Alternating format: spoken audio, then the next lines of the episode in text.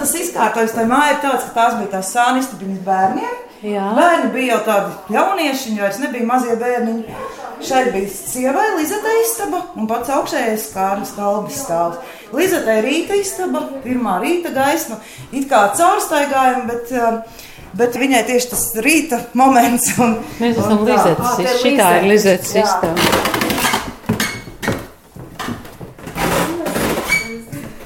Bet Lizeta dzēniekam lemtā tā ir pirmā grāmata. Es teiktu, pirmā nopietnā, pirmā biezā, pirmā tāda, kurā bija jāiegūt ļoti liels darbs, lai izpētītu to viņas dzīvi. Un, nu, jo tā ir par konkrētu cilvēku. Līdz tam man bija tādi, nu, tādi vienkāršāki gabaliņi, kuros nāca varbūt mana dzīves pieredze, bet nu, netika, jo tad tas nav tik ļoti nopietni. Tad tas ir tā, kā ir, tā ir. Bet, ja tu raksti par konkrētu cilvēku, tad tu nevari visu tā. Līdzat īstenībā ir atstājusi daudz liecības. Pirmkārt, viņa ir atstājusi visus savus tulkojumus. Tas nozīmē, ka mēs skaidri zinām, ko Līzeta darīja. Mums ir ļoti plaša Līzetas skalbes sarakste no Zviedrijas laika. Tā ir visa viņas sarakste ar eh, cilvēkiem plašā pasaulē. Gan par to darbu, ko viņa veica, tad, kad viņa kārtoja Kāras kalbas rakstus 50. gada sākumā Zviedrijā, gan arī sarakstu ar draugiem, paziņām, radiem un tā tālāk. Tādā ziņā materiāla noteikti ir daudz, bet uh, ir otra lieta, kas uh, Lizete ļoti labi raksturo, ka Lizete arī bija cilvēks, kurš dzīvoja ar savu noslēpumu, un kāds noslēpums pie viņas arī palika. Nu, redz, cik interesanti.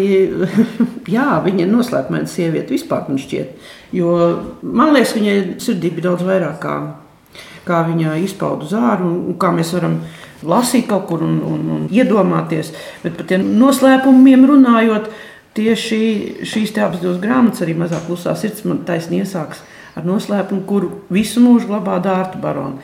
Un mēģināja to noslēpumu atšķetināt. Un patiesībā vēl tagad šaubos, vai to vajadzēja darīt. Tā kā jāatstāja cilvēkiem viņa noslēpumu. Šī ir tāda stalta pašistaba. It kā tā tumšākā ar zemiem griestiem, tā iecerē bija, lai tā ir plaša un saulaina māja, lai tā ir ar, ar iespējami visur nāk saule, lai nekas netraucē. Tad tomēr šajā istabā viņš bija izdomājis, ka vajag mazliet atgādināt viņam viņa bērnības māju, kas arī tepat ir sveika un vesela, kur arī tie griezti zemāki. Un tad viņam bija tā doma, ka te viņam būs gulta, kur var atlaisties. Un krāsnes, kurā piemetot malku, var vēsākos vasaras vakaros dabūt omulību. Un arī šobrīd to var, jo tā krāsnes ir tāpat, viņa ir restaurēta, viņa tiek kurināta un tā. Un pamatā jau, protams, šī bija tāda atpūtas istaba. Pie piebalgas meistariem skābi aizgāja un pateica, ka viņam vajag saulrietos galdu. Rakstām galdu, bet nekādām ciku cakām, vienkārši parastu, visparastāko galdiņu. Un, protams, ka gan jau kaut ko viņš arī šeit uzrakstīja. Skalbas mīļākās puķes, kliņģerītes kādam skābam bija tās paradums vasarā. Šeit dzīvojot, viņš vienmēr pastaigājoties ielika kādu puķi pogas caurumā, un tas viņam cauri gadiem tāda raksturīga, raksturīga skalbas iezīme. Un tad, kad dzēnieku pārveda uz šejien 92. gadā, Tad rakstnieks Zigmunds Kuņš no tā brīža arī dažreiz, kad viņš šeit ir bijis, viņš vienmēr nāk ar kādu puķu pogas caurumā. Pēdējo reizi, kad mēs svinējām skalbas jubileju, tad mēs arī visus apmeklētājus aicinājām vienoties ar skalbi šajā lietā un nākt ar, ar puķu pogas caurumā pie dzēnieka. Nu, redz, kā tu uzšķīri. Toreiz paņemt no Latvijas radio skaņu ierakstu arhīva 1965. gada ierakstu Kaķīšu dzirnavas, kur mana mamma dzied dziesmu, un mazais ģīģis tādā čiepstošā balstiņā tas esmu es. Un tur pieci gadiņi, un tas dzīvolis skan tā. Sudrabainas sapnim vārda, sudrabainas matus progas, aizturējis vēja elpu, viņš pie šūpulīša zogas mēnesis staru auklus raisa, vēja zīdu mazglāsien, slēpi zem vārdas manu bērnu, dziļi miega pļavā brien. Baltas zvaigžņu meitenītes, zilas miglas govis gana, kam zem platām lēnām krūtīm plakans vārja zvaniņš zvana. Un kā pasakā, tur bija baltās puķēs, liepu galds, zelta krūze, vaļa kanna, iekšā sapņu dzēriens salds. Dzēr un dziļi aizver acis, salds ir sapņa mīlestiņš, tālu skan pie lēnām krūtīm, plakans vari pulkstentiņš. Nu, šeit, protams, tā jaukākā vieta, ar, kā Skalbi teica, stāvot uz sava augšējā lieveņa, kā viņš šo vietu sauca, ka šeit stāvēt ir tas pats, kas atrasties pasaules centrā, jo tas skats uz visām pusēm bija tāls, plašs un brīvs. Tā kā šī brīdī mēs redzam alaugstu, tā tajā laikā bija redzams Inesis, Tauns, mazais purva ezeriņš, kas ne purva, bet mazais ezeriņš, kas šobrīd jau ir vairāk pārpurvojies, sumaisītis, kas no skalbas bērnības. Un tādēļ arī tā dzēnieka kapu vieta ir tādā uzkalniņā, kur gan saulrieti, gan alaugsts, tepat viss kopā.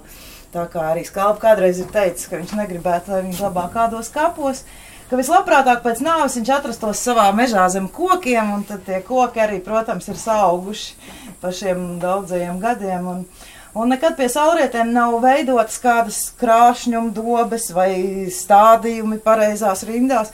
Dzēnieks ir gribējis, lai viss, kas aug, lai tas arī aug. Un viņa dzīves laikā, kā viņa kolēģi raksta, uz 40. gadu sākuma te jau bija tādi mazie džungļi apkārt.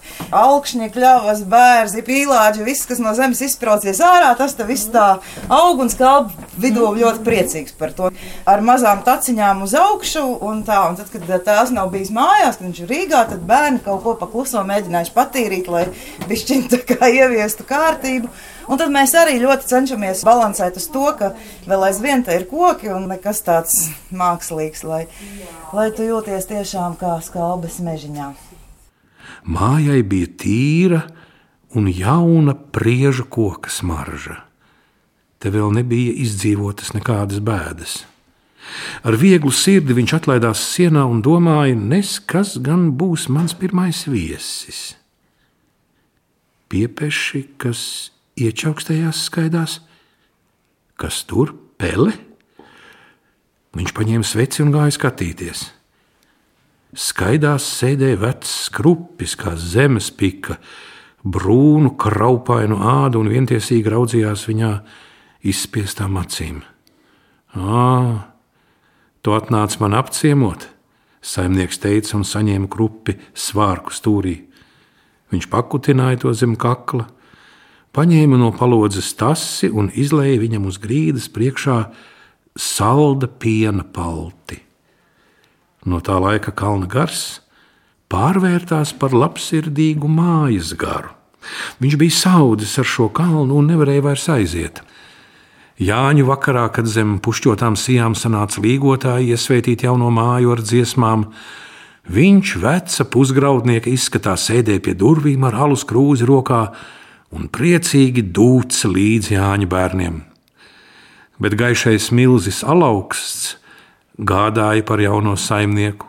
Rāmiem soļiem viņš gāja pār kalniem ar pilošiem padebešu maisiem pār pleciem un laistīja drūves un pļavas. Tad viņš atdusējās, izlaidies lejā starp zaļiem pakalniem un smaidošu vaigu raudzījās spožās vasaras debesīs. 1928. gads.